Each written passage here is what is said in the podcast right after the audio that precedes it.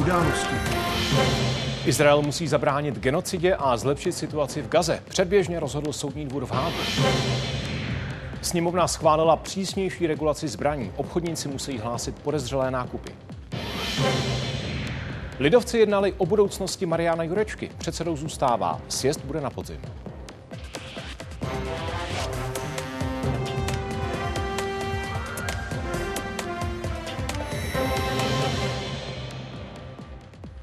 Je 7 hodin, právě začaly události, přejeme dobrý večer. Vítejte a díky, že se díváte. První rozhodnutí v citlivém sporu o vojenskou operaci v pásmu Gazy. Mezinárodní soudní dvůr OSN předběžným opatřením stanovil, že Izrael musí všemi způsoby předejít možnému páchání genocidy a zlepšit humanitární situaci. Nevyzval ale k zastavení bojů. Nařídil naopak okamžité propuštění všech izraelských rukojmí.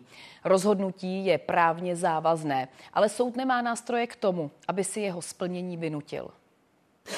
Stát Izrael by měl v souladu se svými povinnostmi podle úmluvy o prevenci a zabránění zločinu genocidy ve vztahu k palestincům v Gaze přijmout veškerá možná opatření, aby zabránil spáchání činů podle článku 2 úmluvy. Within the scope of Article 2 of the Convention. Řízení před hlavním tribunálem OSN v nizozemském Hágu iniciovala Jihoafrická republika, která Izrael obvinuje z genocidy v Gaze. Rozhodnutí uvítala palestinská samozpráva. Podle ní soud uznal vážnost situace. Izrael musí do měsíce podat Mezinárodnímu soudnímu dvoru zprávu o tom, jak stanovená předběžná opatření naplňuje. Izrael neochvějně stojí za dodržování mezinárodního práva, ale stejně taky neochvějně oddán závazku bránit naši zem a náš národ. Dodávky humanitární pomoci a opatření omezující újmu na lidech, kteří nemají nic společného s tím, proti čemu Izrael bojuje. To podle mě vyžaduje příměří.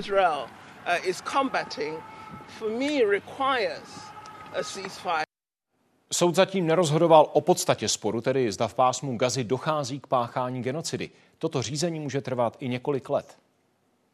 Skoro symbolicky v předvečer Mezinárodního dne obětí holokaustu rozhodoval hlavní tribunál OSN v případu, kde taky padá slovo genocida.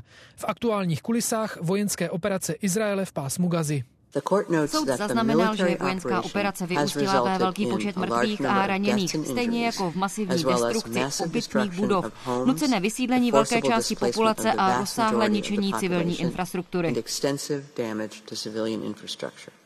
Tribunál citoval tvrzení Hamásu, 25 tisíc mrtvých palestinců a skoro 2 miliony vysídlených. Soud dodal, že tyto údaje nelze ověřit. Mezinárodní soud eh, taky Izraeli nařídil, aby do měsíce podal zprávu o tom, jak předběžná opatření naplňuje. Zároveň ale tribunál nevyhověl klíčovému požadavku jeho Africké republiky a nevyzval k okamžitému zastavení vojenských operací v Gaze. Zástupci Jižní Afriky i Hamásu verdikt přivítali.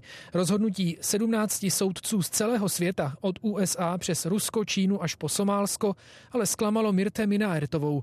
Říká, že Palestinu podporuje dlouhodobě a předsoudní areál přišla i dnes. Soud jako by řekl, OK, dejte jim nějaké léky, ale dál je bombardujte. Tohle v zásadě řekli. Izrael svou operaci považuje za logickou reakci na útoky ze 7. října. Adva Gutmanová tehdy přišla o sestru Tamar. Byla na hudebním festivalu, který napadli teroristé z Hamásu. Po jeden měsíc jsme nevěděli, co se s ní stalo. Až po měsíci našli její tělo. Zemřelo přes 1100 Izraelců. Hamas přitom hlásá, že útoky Musíme zopakuje. dát Izraeli za vyučenou a uděláme to znovu a znovu. Operace ze 7. října byla jen první kolo. Uděláme to po druhé, po třetí i po čtvrté, protože jsme odhodlaní a máme kapacity pro boj. Izraelci považují tažení v Gaze za spravedlivou obranou válku, ve které čelí fanatickému nepříteli. Přirovnávají to k boji spojenců proti nacistickému Německu nebo před deseti lety proti islámskému státu. Válčíme s teroristy z Hamásu, ne s palestinskými civilisty. Razance izraelské odvety nicméně vyvolává protesty v arabských zemích i na západě. Reálný vliv na izraelskou politiku ovšem nemají soudy ani OSN, ale Spojené státy, hlavní izraelský spojenec. Jehož tlaku už židovský stát několikrát vyhověl. Z Hágu Petr Obrovský a z Tel Avivu David Borek, Česká televize. Mezinárodní soudní dvůr vydal celkem šest předběžných opatření, kterými by se měl Izrael řídit.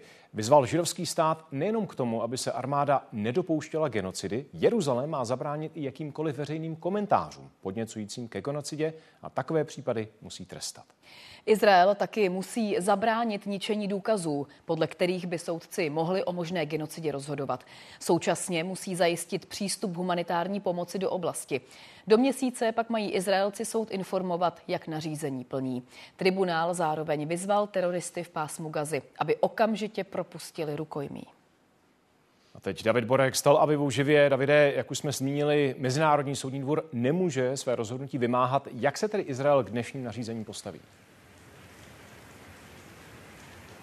Z části to možná nastínilo to odpolední vyjádření Benjamina Netanyahu, který řekl, že Izrael od svých válečných cílů neuhne a že bude minimalizovat uh, možné ztráty mezi palestinskými civilisty bez ohledu na moralizování uh, z uh, Mezinárodního soudu. Zajímavé bude sledovat, co se stane za měsíc. To je totiž jediný, jediný, jediná konkrétní věc, která vyplývá z těch předběžných opatření, respektive jediná věc s konkrétním termínem. Do měsíce má opravdu Izrael informovat Mezinárodní soud o tom, jak plní ona předběžná opatření. A tam se jestli Izrael bude zcela ignorovat, anebo jestli pro forma nějakou odpověď Mezinárodnímu soudu zašle. Jinak tady v Izraeli se to rozhodnutí a celé to projednávání setkalo s všeobecným uh, znechucením. Faktem tedy je, že část opozice říká, že z části za to může také premiér Netanyahu.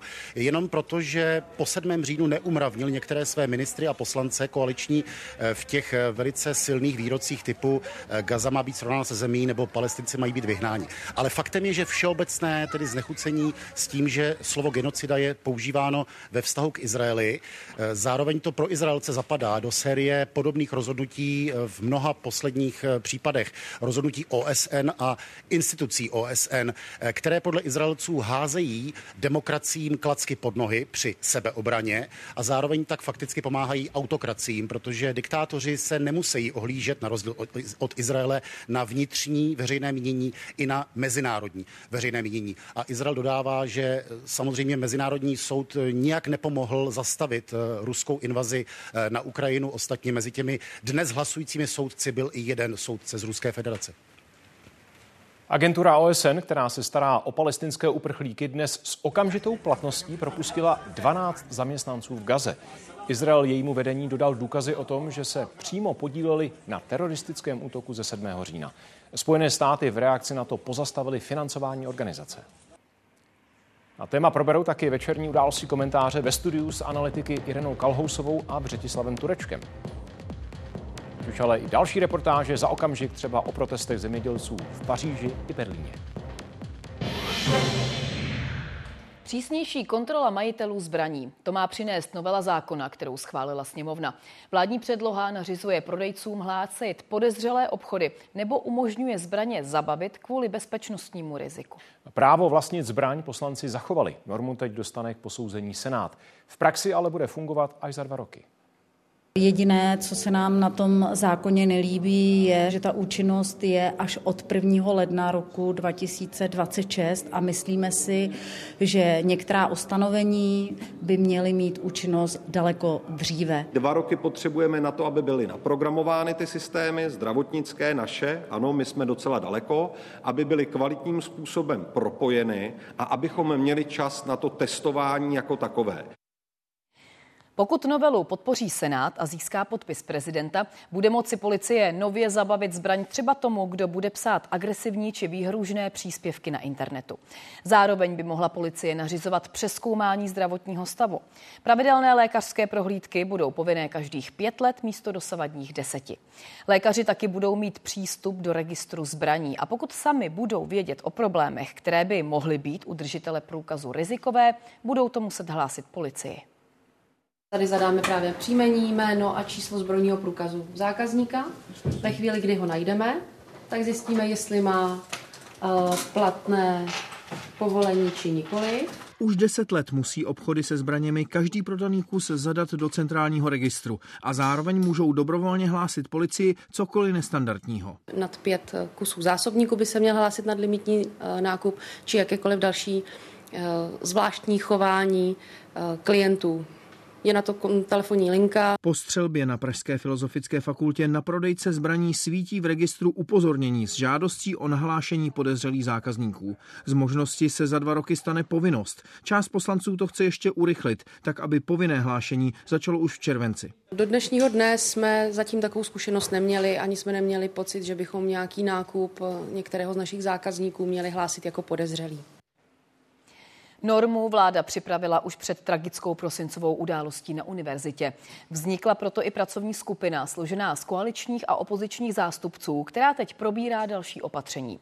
Dílčí novela by mohla ještě letos zavést například povinné specializované psychologické vyšetření pro nové žadatele o zbrojní oprávnění odhalit takovou osobu psychotesty není stoprocentní. Nemají na to kapacitu. V tuhle chvíli narážíme na nedostatečné kapacity eh, odborníků, kteří by mohli ty psychologické posudky dělat. To ale neznamená, že se nemůžeme snažit do budoucna podpořit navýšení těch kapacit. Jednoznačně posílení prevence, posílení prevence i na školách, jakým způsobem se chovat v případě, že je aktivní střelec v budově.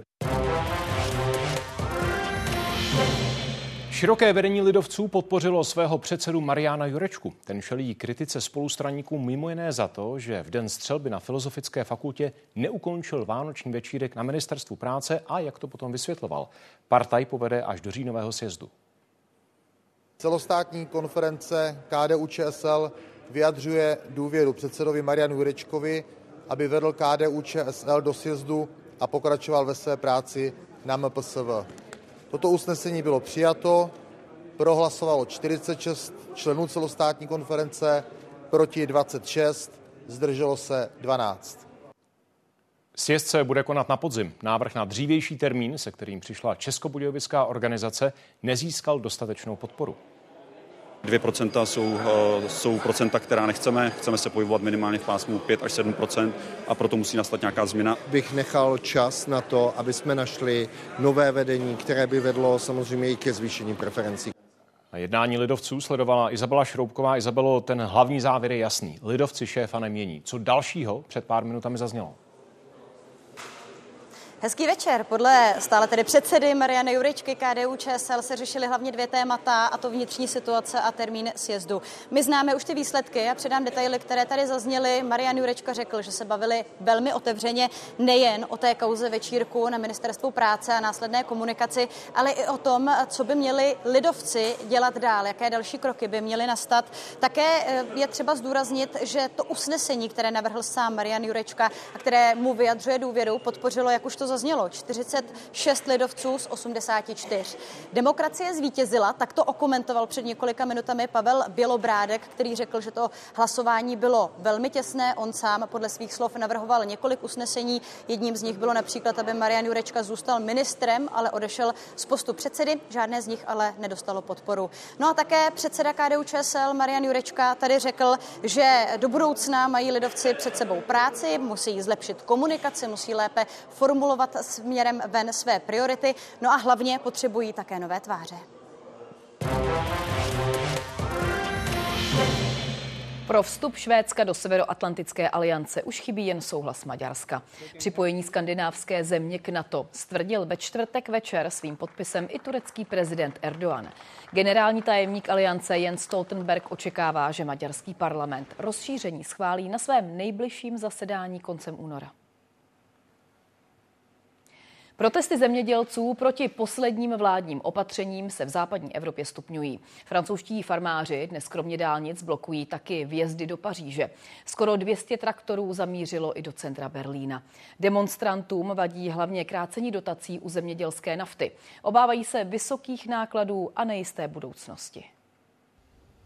Farma v Braniborsku, půl hodiny autem od Berlína. Její ředitel Dirk Peters pracuje tady 30 let, má 23 zaměstnanců, přes 2000 hektarů, na kterých pěstují hlavně obilí a brambory. Also heute ist es sehr, sehr schwer als Landwirt in Deutschland tatsächlich zu bestehen. Stěžuje si na to, jak politici už na zemědělce neberou ohled. Seškrtání dotací na naftu bylo poslední kapkou. Náklady se mu ročně zvýší v přepočtu o necelé 2 miliony korun. Tato částka by nám pokryla platy všech zaměstnanců na jeden měsíc. Budoucnost podle něj není dobrá. Ve skladu mu leží přes tisíc tun pšenice, kterou prodává pod výrobní cenou. Od loňského září, kdy Evropská unie zrušila cla na dovozy z Ukrajiny, cena obilí klesla a stále klesá. Opravdu mám strach, že neprodáme naše obilí, že ho po příští sklizni nebudeme moci prodat za cenu, která by pokryla naše náklady. Zemědělci protestují od konce loňského roku, kdy vláda oznámila škrty. Desítky traktorů se do Berlína vypravili i dnes. Také farma Dirka Peterse poslala do metropole své stroje. V koloně spolu s dalšími farmáři. Nátlak se vyplatil, vláda už ustoupila. Nebude od nich vybírat daň z motorových vozidel, jak původně plánovala. Spolková vláda už zemědělcům žádné ústupky dělat nechce. Na začátku února se bude v Bundestagu hlasovat o novém státním rozpočtu. Ten vládní škrty definitivně potvrdí. Demonstrace před sídly koaličních stran v Berlíně. Další pokus zvrátit úsporná opatření vlády. Stojí tady zemědělci, kteří využívají svého práva demonstrovat a kteří to budou dělat tak dlouho, dokud nedosáhneme výsledků. S většími protesty se chtějí zemědělci ozvat zase na podzim, až se bude sestavovat rozpočet na další rok. Chtějí, aby se na ně více myslelo. Z Berlína Pavel Polák, Česká televize. Němečtí farmáři protestovali taky u hranic s Českem. Dopoledne desítky strojů částečně blokovali a zpomalovali dopravu přes bývalý hraniční přechod ve Strážném. Poté se zemědělci vydali v koloně zpět do Bavorska. České zemědělce k protestům proti vládě agrární komora zatím nevyzvala. Počká do 1. března na výsledky dalších jednání s šéfem rezortu. V únoru chce ale iniciovat společnou koordinovanou akci zemědělců v Evropské unii.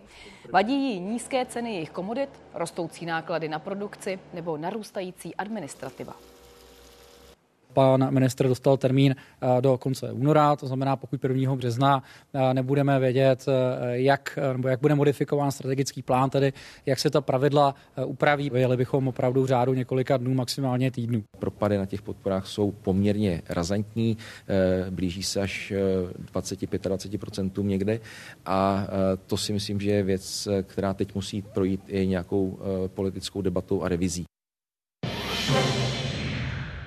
Rusko zveřejnilo nové záběry z místa havárie vojenského letadla, které se ve středu zřítilo v Bělgorodské oblasti. Moskva viní z jeho sestřelení Kyjev s tím, že na palubě zemřelo 65 ukrajinských válečných zajatců. Dokazovat to podle Ruska mají i nalezená těla s tetováním. Ukrajinci nepotvrdili ani nevyvrátili, že letoun zasáhli. Spochybňují ale, že stroj převážel vojáky určené k výměně. Zástupkyně OSN na mimořádném zasedání Rady bezpečnosti uvedla, že nemůže okolnosti nehody nezávisle ověřit. Je ale jasné, že se tento incident odehrál v kontextu ruské invaze na Ukrajinu a pokračující války. Intenzivní boje na frontě mezi tím pokračují. Ukrajincům nově pomohou i sanitky ze slovenské sbírky. Od začátku konfliktu do země tato skupina přivezla přes 30 vozů. Většímu přísunu podobné dobrovolnické pomoci ze zahraničí ale brání složitá procedura. Navzdory snahám ukrajinské vlády o její zjednodušení. Raz, dva, vzali. Na frontě jsou evakuační vozidla jedním z nejpotřebnějších nástrojů záchrany lidského života v první fázi speciální stroj odváží zraněné vojáky z první linie k medikům. Od nich už pokračují v sanitkách. Teď Slováci předali Ukrajincům celkem 11 aut. Navzdory složité byrokracii. Dokopy vlastně už jsme... Dohromady se nám podařilo koupit víc než 30 aut. Víc než 30 aut. My vytrčujeme dužo času na hranici s všemi s celým zamytněním, rozmytněním. Eh, od loňského prosince měla vláda tento proces pro dobrovolníky zjednodušit tak, aby ke vstupu na Ukrajinu stačil jeden kód získaný v elektronickém registru. Jenže na nová pravidla si začali stěžovat někteří dobrovolníci. Za měsíc v provozu příliv pomoci dokonce poklesl. Takže vláda povolila využívat až do konce dubna i starý systém. Náš úřad Naše úřady chtěli omezit možnost napsat vozidlo na vojáka, takže by se mohlo předat pouze na vojenskou jednotku. No, Podle mě chtěli prostě udělat větší pořádek, ale zatím tuto změnu pozastavili. Podle těchto pravidel by se pomoc nemusela dostat od dílů, který se o takové vozidlo primárně přihlásí. V tomto případě se vozidla dostala ke konkrétním lidem.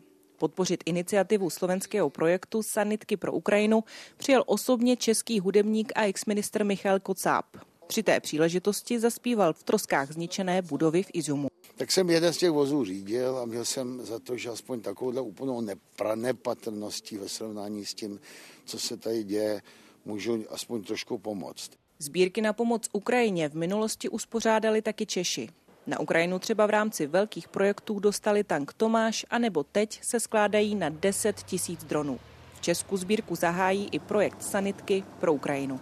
Daria Stomatová, Česká televize, Ukrajina. Jaderná elektrárna Dukovany letos po pěti letech zvýší svůj výkon. Umožní to i zvýšení teploty v primárním okruhu. Investice do bezpečnosti a obnovy zařízení budou stát přes 3 miliardy, tedy zhruba o miliardu víc než loni. Zásobu paliva má elektrárna na tři roky. Dokončuje zvýšení kapacit skladů až na pětileté zásoby paliva. Zvýšení výkonu každého bloku zhruba o 2,3% což dělá zhruba 11 až 12 MW elektrických na každém bloku a souhrnu to bude znamenat přínos zhruba 330 tisíc MW elektrických eh, za celý rok, čímž bychom byli schopni zásobit dalších 100 tisíc domácností. Dneska směřujeme jednoznačně na nejméně 60 let provozu, eh, na to plánujeme investice a eh, paralelně samozřejmě budeme přemýšlet, jestli by to nešlo déle, tak jako řada elektráren ve světě. Zaplněné Národní divadlo se rozloučilo s Janou Hlaváčevou. S Bohem přišli herečce dát přátelé, kolegové, veřejnost i rodina. 37 opatření k vyššímu ekonomickému růstu. Například umožnění výpovědi bez udání důvodu. Návrh Národní ekonomické rady probereme o půl osmé. Americký stát Alabama v noci na dnešek popravil odsouzeného Keneta Smithe pomocí čistého dusíku. Tento způsob usmrcení úřady oficiálně použili vůbec poprvé v historii a označili ho za humání. Podle svědků exekuce trvala 25 minut. Evropská komise nebo OSN metodu kritizují jako příliš krutou. Dopravní komplikace na jednom z nejvytíženějších míst v zemi. V centru Prahy na severojižní magistrále objevili v noci dnešek dělníci pod silnicí Velkou Dutinu. Místo, kterým denně projede až 50 tisíc aut, okamžitě uzavřeli. Ze tří pruhů tak zbyl řidičům jenom jeden.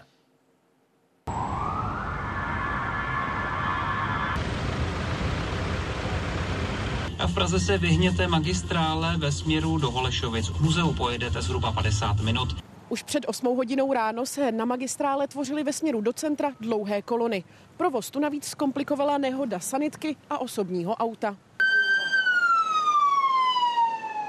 Pankráce, kde kolona začínala, je to k místu zúžení u muzea zhruba 4 kilometry.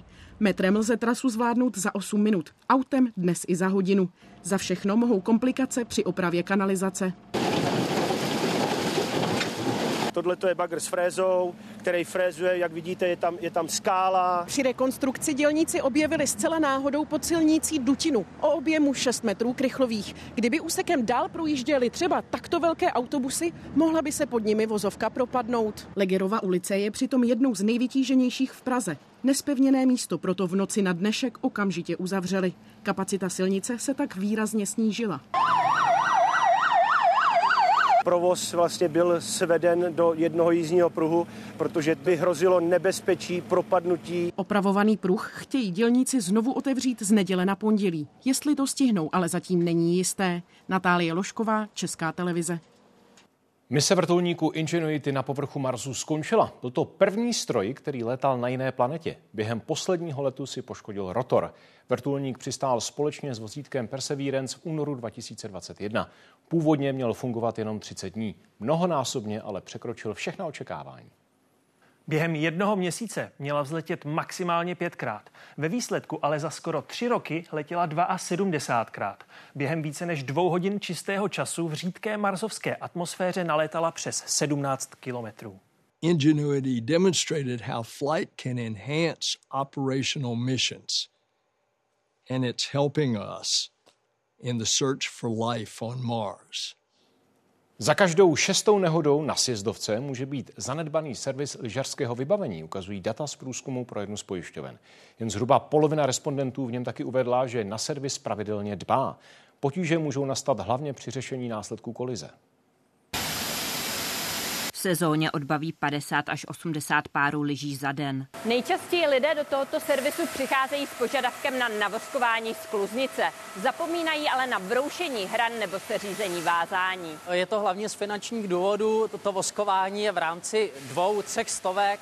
Eh, celkový kompletní servis eh, s broušením vychází pak na dvojnásobek až trojnásobek. Třeba Tomáš Zajíček před začátkem sezóny liže do servisu nedává. Říká, že se řídí pocitem. To jsem moc línej, abych to řešil. Váhu se tak se mi nemění, takže beru to nějak, že to jako vydrží další dobu. Je potřeba uh, to vázání ideálně jednou za rok servisovat, protože pružinky, které jsou uvnitř, zatuhávají a to vázání se stává postupně více a více nebezpečné. Když lyžař na sjezdovce někoho srazí, doklad o servisu může mít zásadní roli pokud budou následky řešit třeba právníci. Ten, kdo není schopen prokázat, že měl servisovány lyže nebo snowboard, tak může být automaticky označen za výnika té nehody a nést potom plné následky. Kromě dobře připravené výbavy je třeba v Itálii nezbytné i pojištění odpovědnosti. V případě, že to pojištění nemáte, tak, tak by je vám měli nabídnout ke koupit toho skipasu. Hraje to samozřejmě roli, když už se tedy něco stane. Před cestou na svah by si lidé měli také zjistit nařízení týkající se používání helmy. V některých areálech v cizině je povinná až do 18 let. Jana Šrámková a Jitka Fialková, Česká televize. Prezident Petr Pavel oficiálně vyhlásil termín voleb do Evropského parlamentu. V Česku se uskuteční tradičně v pátek a v sobotu, bude to 7. a 8. června. Rozhodnutí musí podepsat premiér, pak vyjde ve sbírce zákonů. Tím taky úředně zahájí kampaň.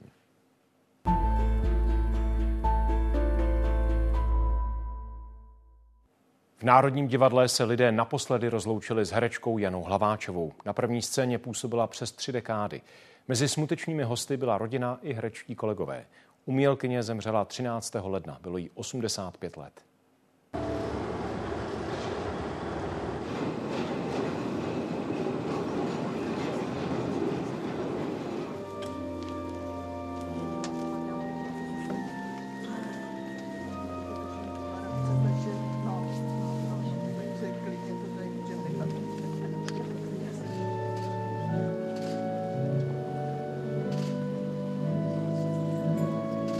Nezajímala se o nás jen jako o studenty, ale o, i o to, jaký jsme lidé. Říkala si nám, že každý jsme originál a že záleží jen na nás, jaká bude ta naše cesta.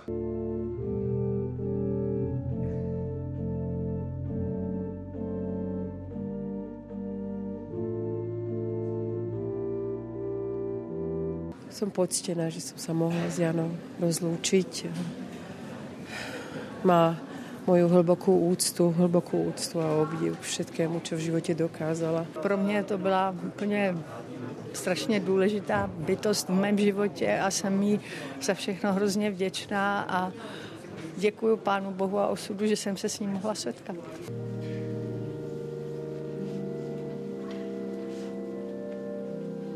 Nikdy na ní nezapomenu a vlastně tak jako moje máma, taky ona bude se mnou pořád živá. Byla neskutečně silná, byla i přísná, byla důsledná, ale zároveň měla obrovský srdce, byla strašně vřela a vždycky za náma prostě stála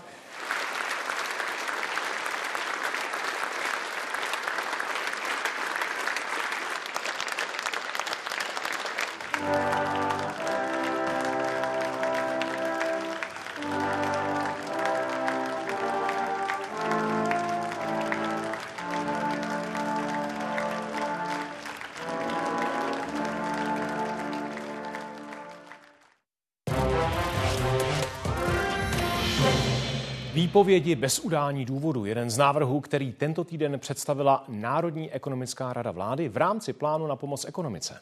Podle nervu je potřeba pracovní trh rozpohybovat. To by mělo firmám pomoci s výběrem pracovníků. To se ale nelíbí zástupcům zaměstnanců Českomoravské konfederaci odborových svazů. Podle jejich předáka by to byl návrat do doby před rokem 89. Udržet si místo v práci, pokud zaměstnanec dodržuje pravidla a nedělá chyby. To teď každému zaručuje zákonník práce. Zatuhnutý trh práce neodpoví, není schopen reagovat na dynamické ekonomické změny. To znamená, eh, některá odvětví vznikají, některá zanikají. K vyšší flexibilitě by mohlo vést právě i snažší propouštění zaměstnanců. NERV k tomu ale navrhuje další změny. Není prostě v Česku možné umožnit bezpodmínečné propouštění a zároveň nezměnit systém dávek v nezaměstnanosti a nezměnit systém aktivní politiky zaměstnanosti a zřejmě nezměnit systém zdanění. Návrh má podporu zaměstnavatelů, konkrétně třeba Svazu průmyslu a dopravy. I v důsledku těch eh, minulých eh, transpozičních novel, která Česká republika musela přijmout, eh, došlo k určitému vychýlení z té rovnováhy mezi ochranou eh, zaměstnanců a těmi zájmy zase zaměstnavatelů. A to musí být v balanci. Naopak zástupci zaměstnanců považují návrh za nepřijatelný a nebezpečný. By se vyhazovalo podle toho, jestli se nějakému kápovi nelíbíte, nebo třeba máte jinou barvu pleti, než má on. Podle něj mají dnes zaměstnavatelé dost možností, jak ukončit pracovní poměr s někým, kdo dobře nepracuje. Kdo zná zákonník práce, tak to není žádný problém. Můžete se dohodnout se zaměstnancem, že ukončí pracovní poměr, no a nebo můžete použít výpovědní důvody a těch dostatečné množství. Podle Organizace pro hospodářskou spolupráci a rozvoj má nejpřísnější ochranu zaměstnanců v Evropské unii Holandsko. Česko je hned za ním druhé. Naopak třeba v sousedním Polsku jsou pravidla pro zaměstnavatele benevolentnější a vůbec nejmenší ochranu mají pracovníci v Maďarsku nebo v Dánsku. Právě tam se ekonomové inspirovali i s návrhem propouštění bez uvedení důvodu, podobně jako s následnými opatřeními, která v Dánsku těm, co přišli o práci, pomáhají. Podle ministra financí by například byla na místě i debata o odstupném, které by se muselo zvýšit. Dušan Šulc a Pavla Kubálková, Česká televize. A jak by za současných podmínek měla výpověď vypadat? Musí být písemná a pouze z důvodů, které určuje zákonník práce. Ve výpovědi by také mělo být jasně popsané chování, které k rozvázání poměru vedlo. Dnes mají zaměstnavatelé omezené možnosti, jak dát podřízeným výpověď. Můžou to udělat ve zkušební době nebo po skončení smlouvy na dobu určitou. Zaměstnanec a zaměstnavatel se můžou také dohodnout. Pokud ale firmy chtějí dát pracovníkům výpověď v jiných momentech, musí se držet jasně stanovených pravidel. Možností je propuštění pracovníka, když jeho místo zanikne nebo pokud poruší své povinnosti. Počet soudních sporů kvůli výpovědi tvoří v Česku naprosté minimum, ani ne jednu desetinu procenta. V roce 2022 jich soudy řešily 327. V Česku pak takové spory obvykle trvají podle statistik Ministerstva spravedlnosti skoro rok a půl. Denně tu vyperou i několik tun prádla, zaměstnanců proto tato pražská prádelna potřebuje hned 15. S pracovníky se příliš často o výpovědi prý dohadovat nemusí. Zaměstnanec měl problémové chování, byl na to upozorněn a poté, kdy vlastně se to chování opakovalo, tak dostal výpověď. Nebyl s ním problém ukončit stávající smlouvu, protože on chtěl odejít, tím pádem podepsal dohodu. Pokud se ale zaměstnavatel s pracovníkem nedomluví, může ho propustit kvůli porušení jeho povinností. Za zvlášť hrubé přečiny hrozí zaměstnanci výpověď rovnou. Je to například alkohol na pracovišti nebo násilný konflikt. Drobnější porušení kázně se pak musí ale opakovat a zaměstnavatel na to musí písemně upozorňovat. Tak je to zaprvé stojí hodně peněz. Stojí je to hlavně dlouhý čas. Je to administrativně náročné, je to samozřejmě i komplikované, jako co se týče prokazování. A vlastně ten zaměstnavatel pořád má to místo jakoby obsazené. Důvodem pro výpověď mohou být i špatné výsledky v práci nebo nesplňování požadavků. Ty ale musí být přiměřené. Nejčastějším důvodem je výpověď pro nadbytečnost. Organizační změnu ale musí zaměstnavatel udělat před výpovědí. I s výpovědní dobou může trvat klidně půl roku. Závisí, jestli tomu zaměstnanci dáváte prostor pro zlepšení, eh, nebo jestli mu dáte pouze výpověď. Změny v zákonníku práce by docenili i tady. Provozují síť prodejen s chovatelskými potřebami. Zaměstnávají 1500 lidí na různých pozicích. Další stovku chtějí nabrat letos. Loučí se jen s minimem lidí. Uvolnění pravidel v této v oblasti obou straně určitě přispěje k větší rotaci těch, těch lidí a pak bude záležet na zaměstnavateli, jak se dokáže toho zaměstnance hýčkat, aby od něj neodcházel. Nastavit se ale podle odborníků i firem musí jasná pravidla, aby zaměstnanci zůstali dostatečně chráněni. Návrh, ten, který já jsem osobně viděla, je, že zaměstnanec dostane o trochu vyšší odstupné než při té normální výpovědi, která je podle eh, současných paragrafů. Takže by to vlastně toho zaměstnance ochránilo. Pokud dnes pracovník dostane výpověď, běží mu dvouměsíční výpovědní lhůta a nárok má i na odstupné. To se liší podle počtu odpracovaných let od jednoho do tří průměrných měsíčních výdělků. Michála Nováková a Klára Burešová, Česká televize. K tomuto tématu je to všechno. Události ale pokračují za chvíli třeba reportáží o české příležitosti zapojit se do vesmírného výzkumu. Policisté zadrželi muže podezřelého z napadení tří lidí v pražském Kunratickém lese. Podle nich útočil taky včera. Sekirou napadl ženu v Hostavicích. Nikdo ze zraněných není ve vážném stavu. Kriminalisté zjišťují další okolnosti případu. Praští kriminalisté teď řeší taky případ vraždy muže, jeho tělo nalezli včera u Kýského rybníka. I tam okolnosti případu zatím prošetřují, nicméně nevyloučili, že spolu všechny případy můžou souviset. Úřad práce se snaží zvýšit zaměstnanost handicapovaných. Aktuálně eviduje přes 400 tisíc lidí v produktivním věku s nějakým stupněm přiznané invalidity. Zaměstnání má necelá polovina. Úředníci se je snaží propojovat s firmami. Do budoucna chce stát chráněný trh práce utlumit a podpořit začlenování znevýhodněných pracovníků na tom otevřeném.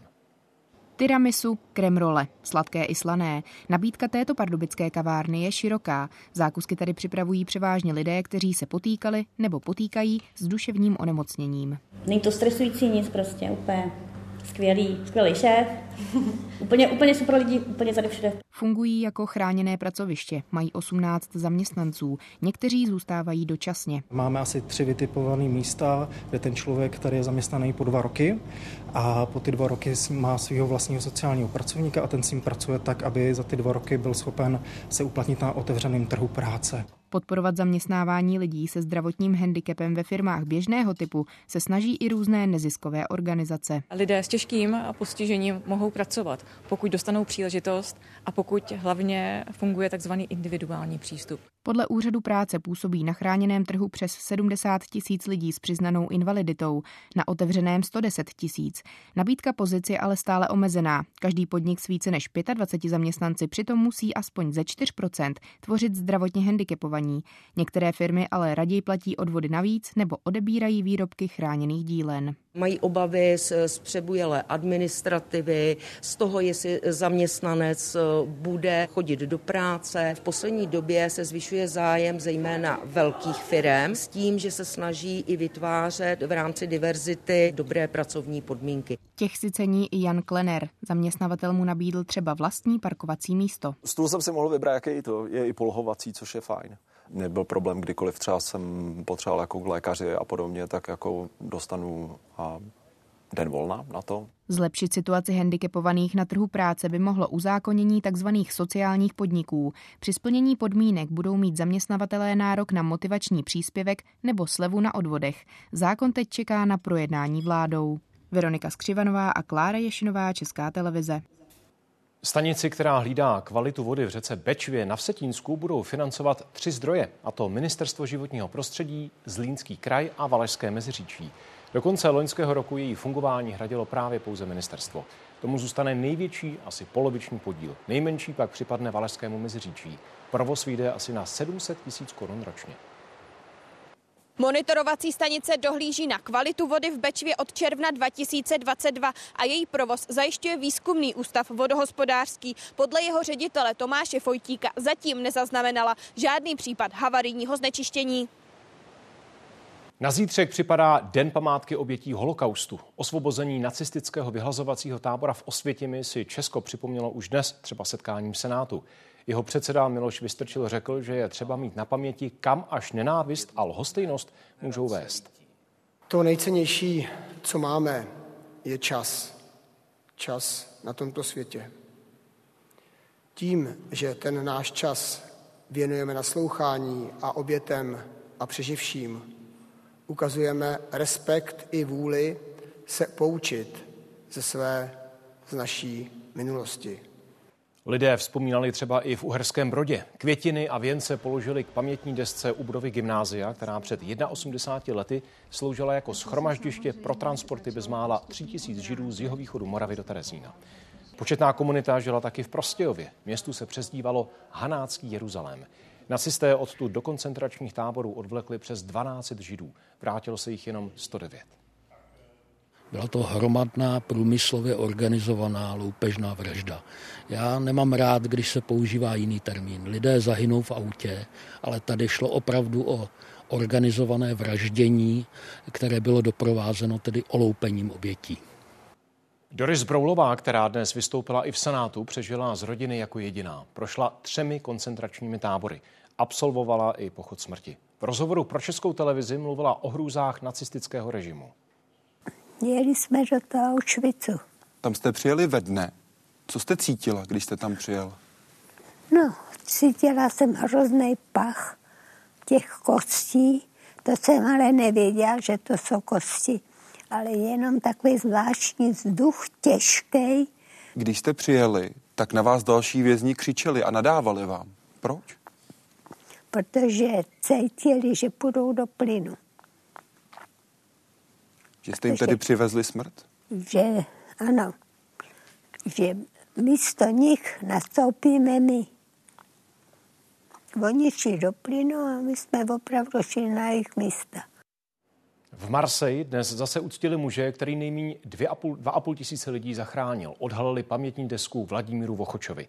Tehdejší československý konzul během druhé světové války pomáhal Židům na útěku z Evropy. Izrael ho za hrdinství už odměnil cenou Spravedlivý mezinárody. Zachránil tisíce životů. Za druhé světové války vydával pasy lidem, kteří prchali před nacisty. Město Marseille bylo jedno z mála míst, odkud se mohli z Evropy ještě dostat. Pamětní deska měla být původně umístěna na budově, kde Vladimír Vochoč cestovní pasy vydával. Nakonec byla odhalena před budovou amerického konzulátu. Byl přítel Briana Fraje, po něm je pojmenováno toto náměstí. Vzájemně spolupracovali, jsou znovu spolu.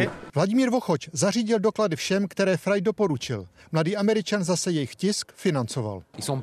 Těch lidí není tolik, někteří jsou úplně anonymní, nejiné se zapomnělo, jako na Vochoče.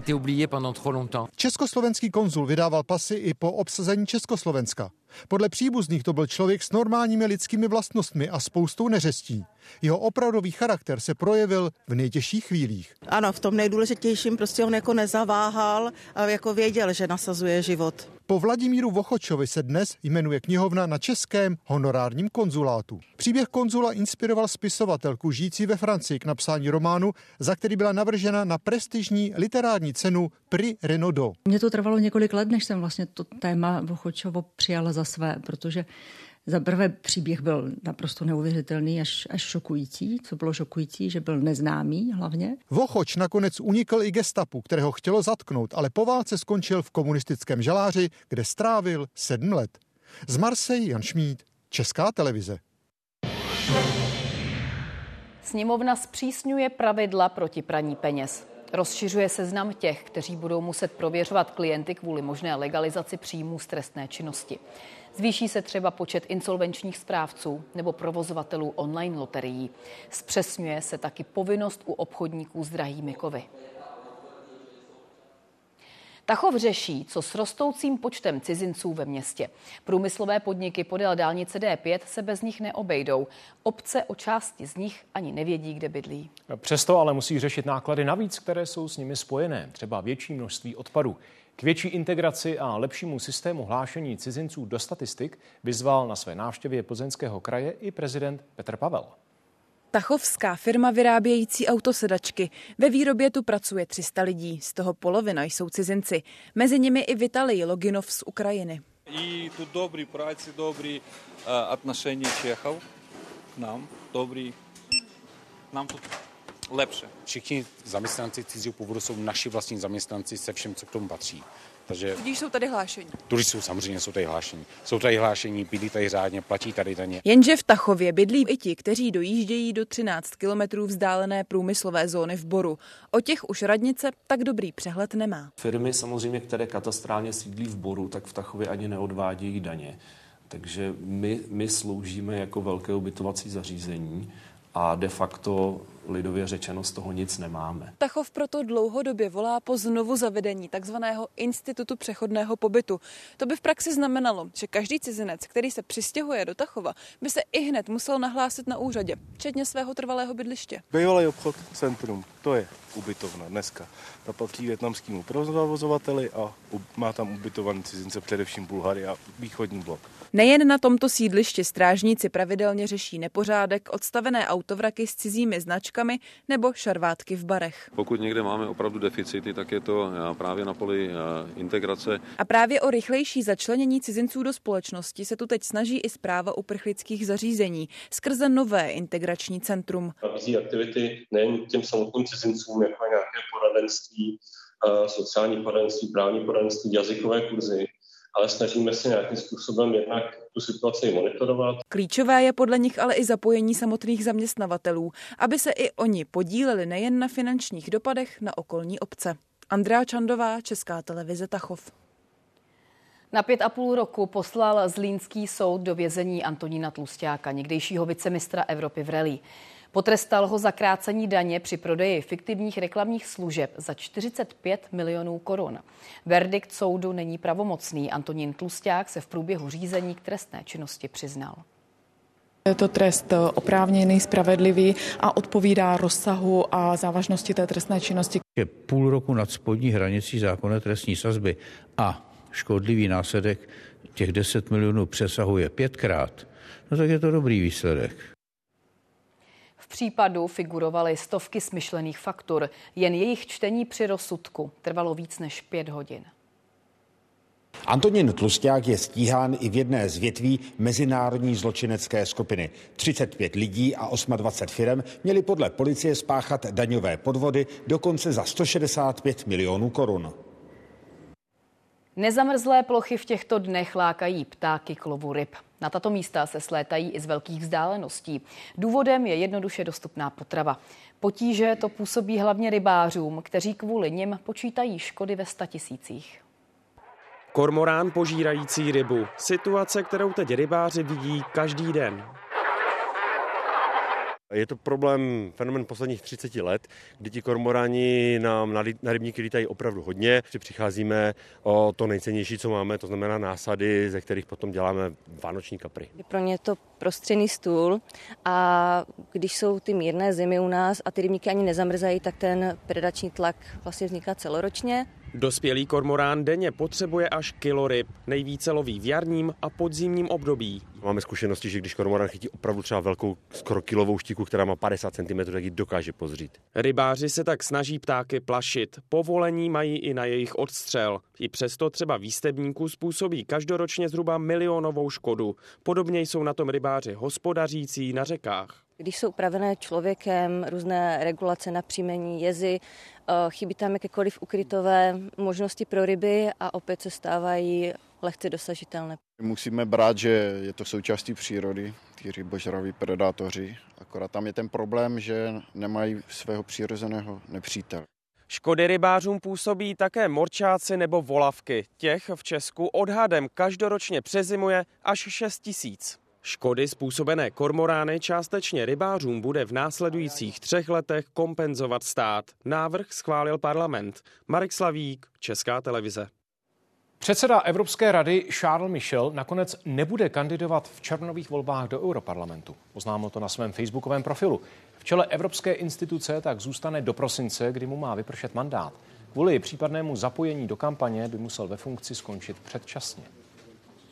Nechci, aby toto rozhodnutí odvedlo pozornost od naší mise nebo podkopalo tuto instituci a náš evropský projekt. Po dvou dnech je znovu průjezdná silnice mezi Hřenskem a Německem. Pracovníci odborné firmy z ní odstranili zřícený 16-tunový balvan a dokončili zabezpečovací práce. Zajistit museli hlavně kameny, u kterých hrozilo, že také spadnou ze skály na vozovku. Zbytky nebezpečných kamenů zlikvidovali pracovníci během dopoledne. Kolem jedné hodiny odpolední proto silničáři cestu otevřeli. Zemřel profesor Jiří Byčák. Přednímu českému teoretickému fyzikovi bylo 82 let. Přednášel mimo jiné pro Stephena Hawkinga, spolupracoval s nositeli Nobelovy ceny a věnoval se kosmologii, teorii relativity nebo astrofyzice. Podílel se taky na založení učené společnosti České republiky.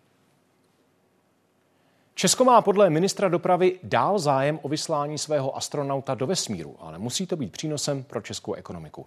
Martin Kupka to uvedl po jednání v americké NASA a návštěvě společnosti Axiom, která o víkendu vynesla do kosmu prvního tureckého astronauta. Firma dál usiluje taky o českou účast, přestože tuto nabídku loni vláda v Praze odmítla. Naděje, že se v příštích letech český astronaut podívá do vesmíru, pořád žije. Texaská soukromá společnost Axiom Space má dál zájem. Tento měsíc vyslala kosmonauty za vědeckými experimenty už po třetí. My bychom opravdu rádi viděli astronauta České republiky, jak letí s Axiomem v misi s lidskou posádkou na Mezinárodní vesmírnou stanici. Ministr dopravy Kupka v Texasu řekl, že by si osobně přál, aby se mise uskutečnila do deseti let, ale je k tomu třeba zapojit české firmy a univerzity.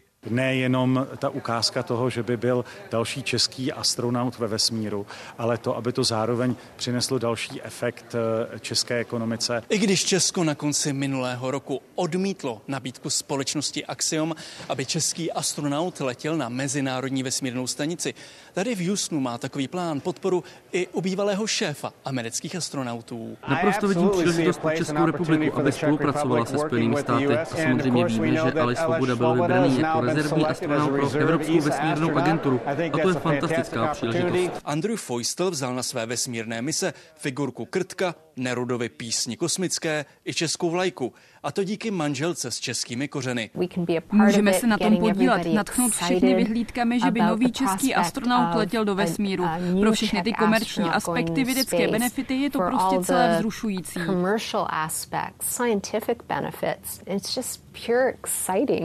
Takový plán podporuje i jeden z vlivných amerických kongresmenů, který má na starost legislativu pro objevování vesmíru. A kdo ví, bylo by to vzrušující vidět českého astronauta, který se objeví raději dřív nebo později. Vím, že by to pro tolik lidí bylo inspirující. Podle ministra dopravy se každá koruna investovaná do vesmírných aktivit vrátí Česku osmkrát. Let do kosmu, který by přišel na jednu a půl miliardy korun, si ale zatím Češi nemohou dovolit. Z Texasu a Floridy Bohumil Vostal, Česká televize. Jan Poupě, Ira Svobodová nebo Vladimír Véla. Jména současných českých malířů, o které mají zájem začínající sběratelé. Hlavně mladší generace teď soudobé umění začíná kupovat častěji. Obyčejné líbí, nelíbí, investice nebo kulturně společenská hodnota. Nejčastější důvody koupě současného umění. Proč jste se rozhodla sbírat umění? Protože jsem se rozhodla svojej rodině něco zanechať mojej netery konkrétne a chcela som vlastne... Ja, ja mám veľmi rada Francúzsko a dlhé roky uh, som tam pôsobila a sa mi strašne páči, že majú takú nejakú rodinnú minulosť. A, a to bol vlastne tom taký môj impuls začať sbírat umění. Uměním těm člověk nachází nějaký zalíbení, nějakou estetickou kvalitu. Současný má výhody v tom, že člověk může se seznámit s těma lidma, s těma autorama. Mě hrozně baví se s těma umělcemi eh, bavit. Jakoby kde tvoří, proč tvoří, eh, jak se vlastně ty, jak se ta jejich tvorba vyvíjí, tak to je něco, co mě pro mě úplně vlastně profesně jako tak vzdálenýho, že, že to, to mě jako činí tu zábavu v tom. Klíčové pro pohyb na sběratelském trhu je pochopit roli galeristy. Jehož provize dosahuje až 50% a je zahrnuta v ceně díla. Z mého pohledu spočívá role galeristy také v tom, že umělci zajišťuje prodeje tak, aby on mohl nezávisle tvořit, aby tady uh, o ty věci okolo se nemusel starat. Nespornou výhodou oproti staršímu umění absence padělků. Falza na tomto trhu prakticky neexistují. Přesto dle začínajících sběratelů o investici, tedy peníze, jde až na druhém místě. Prodáte někdy obraz? Asi nie a asi nie v najbližších rokoch. Mario Kubaš, Česká televize. Události komentáře dnes proberou dění v KDU ČSL. Hostem bude předseda lidovců Marian Jurečka. Zítra budeme sledovat dění na železnici. Částečně by se mohlo obnovit provoz na trati z Bohumína do Karviné, který přerušil střed vlaku s kamionem na přejezdu. Páteční události končí večer, ale zdaleka ne, tak si ho užijte, přijeme také klidný víkend a děkujeme za pozornost. Teď už sport. Eva Adamčiková ozdobila svůj návrat do světového poháru vítězství. Podrobnosti přidává Barbara Černošková. Dobrý večer. Začátek snowboard crossové sezóny Eva Adamčiková odložila kvůli účasti v taneční soutěži Stardance. Ve světovém poháru ve svatém Mořici dnes závodila poprvé od loňského března a připsala si v elitním seriálu už 19. vítězství. Víc řekneme v brankách už za okamžik.